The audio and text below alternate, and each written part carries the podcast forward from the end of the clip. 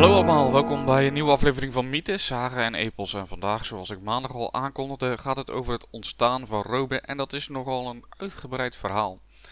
En dat verhaal is opgeschreven in opdracht van keizer Augustus. En het verhaal gaat over Romulus en Remus en zij stichten natuurlijk Rome. Maar daarvoor moeten we helemaal terug naar de Trojaanse oorlog. Zoals we allemaal weten, het paard van Troje werd naar binnen gereden en daaruit sprongen de Griekse soldaten en die eh, veroverden Troje. Aeneas vluchtte weg uit het brandende Troje en zijn moeder, Venus, die droeg hem op om een nieuw rijk te stichten. Nou, hij zwierf jarenlang zwierf hij rond in het Middellandse zeegebied en uiteindelijk komt hij aan in Carthago. En in Carthago wordt hij verliefd op Dido. En Dido is de koningin van Carthago.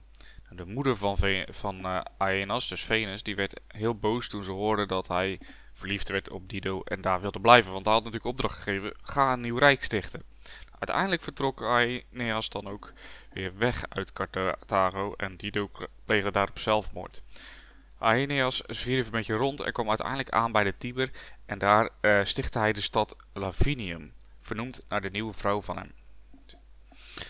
Zo ging het een aantal generaties verder en uiteindelijk kreeg hij, uh, of kreeg iemand uit zijn nageslacht, kreeg een dochter, Rhea Silvia. Rhea Silvia, oftewel Ilia, zo werd ze ook wel genoemd, was de dochter van Numitor en een kleindochter van Proca Silvius. Zij werd eigenlijk door haar oom Armulius uh, werd hij aan uh, de dienst van Vesta gewijd, zodat zij geen kinderen zou krijgen. Want Numitor had namelijk haar vader afgezet. Dus op het moment dat zij kinderen zou krijgen, zou dat de ja, de erfgenamen zijn van dat, uh, van dat rijk. Of in ieder geval van die stad hè, die opgericht is. Um, uiteindelijk zou Rea Silvia zou wel kinderen krijgen. En kinderen van niet zomaar iemand, maar van de oorlogsschot Mars. Dat is natuurlijk volgens de overleveringen. Hè? Dus ja, daar had ze nogal een vriendschappelijke uh, ontmoeting mee. Haar oom kwam erachter en op het moment dat zij bevallen was, werd zij volgens sommigen levend begraven, volgens anderen werd ze weer vastgezet. Uh, sommigen zeggen zelfs dat ze in het Tiber werd geworpen. Waarschijnlijk werd ze wel gedood. Ze was natuurlijk een Vestaalse maagd. En dat was natuurlijk een doodzonde als je dan ontmaagd was. Ook al was het door de god van de oorlog. En uh, de koning Numitor dus, die liet haar sowieso vermoorden. De tweeling kon hij echter niet doden, want ze kregen een tweeling uiteindelijk. En dat waren Romulus en Remus. Omdat hij het niet kon, liet hij het een soldaat doen. Hij zei tegen die soldaat, dood die kinderen. Nou, die soldaat kon het uiteindelijk ook niet doen. En daardoor legde hij de tweeling in een rivier in een mandje. Klinkt wel bekend hè, een rivierenmandje. Maar goed, dat even terzijde. De tweeling werd uiteindelijk gevonden door een wolvin. Lupa capitolina, die hen eigenlijk zoogde. En na enige tijd werden ze gevonden door een herder. En die herder heette Faustulus en die, ja, die voedde die kinderen op alsof het zijn eigen zonen waren. Toen ze volwassen waren, gingen ze naar uh, de zeven heuvelen die bij de Tiber lagen. Daar hebben we het maandag al over gehad, de zeven heuvelen. En ze stichten een stad, tenminste ze wilden een stad stichten. En allebei wilden ze dat doen op een andere plek met een andere naam. En om te weten welke naam en welke stad nou uh, op de juiste plek lag, gingen ze samen met een priester eh, de heuvel op, hun eigen heuvel op, om een teken van de goden te krijgen. Remus zag zes gieren en vond dit natuurlijk fantastisch. Hij denkt, zes gieren, dat is, dit is het teken voor deze fantastische stad voor mij. Hij rende naar beneden om tegen iedereen te zeggen wat hij had gezien en dat zijn stad dat dat, de Remen moest worden. Nou, je voelt hem al een beetje aankomen. Romulus die kwam later naar beneden van zijn heuvel.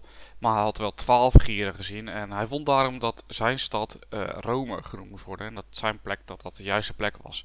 Nou, er stond natuurlijk een beetje een ruzie tussen die twee. En uiteindelijk uh, bouwde Romulus een muur om zijn stad. En Remus was zo boos dat hij geen koning was, sprong over de muur en zei: Moet deze muur ons nou beschermen? Nou, Romulus werd daarop weer heel kwaad en sloeg uiteindelijk Remus dood. Ja, dat is namelijk wat je ook doet in een, uh, in een ruzie. Maar goed, hij sloeg Remus dood en hij zei: Zo zal het voortaan iedereen vergaan die over deze muur klautert. Rome werd dus uiteindelijk de naam van de stad en Romulus werd de eerste koning. Dit is de eerste versie die in opdracht van keizer Augustus werd geschreven door Virgilius en Livius. Maar er is nog een tweede versie. Deze versie is teruggevonden aan de hand van een fragment van een Grieks-Siciliaanse dichter. Hij beschrijft hoe Roma, een vrouw, samen met andere Trojaanse vluchtelingen wegvluchten met een vloot vanuit Troje, het oorlogsverscheurde Troje, waar we het net al over hebben gehad. En dat ze uiteindelijk eindigen bij de Tiber, dat ze die opvoeren en dat ze op de plek waar nu dus Rome ligt, dat ze daar een stad stichten. Wat in beide verhalen terugkomt, is het stukje dat ze verwant zijn aan krijgers. Bij de ene is het natuurlijk de oorlogsgod Mars waar ze vandaan komen, of dat het half uh, goden zijn van Mars. En de andere is natuurlijk vanuit de Trojanen. Uh, de Trojanen waren ook geroemd om hun krijgskunsten. je zal ook zien dat de Romeinen veel oorlogen voerden en ook veldslagen steeds als een soort feest herinneren.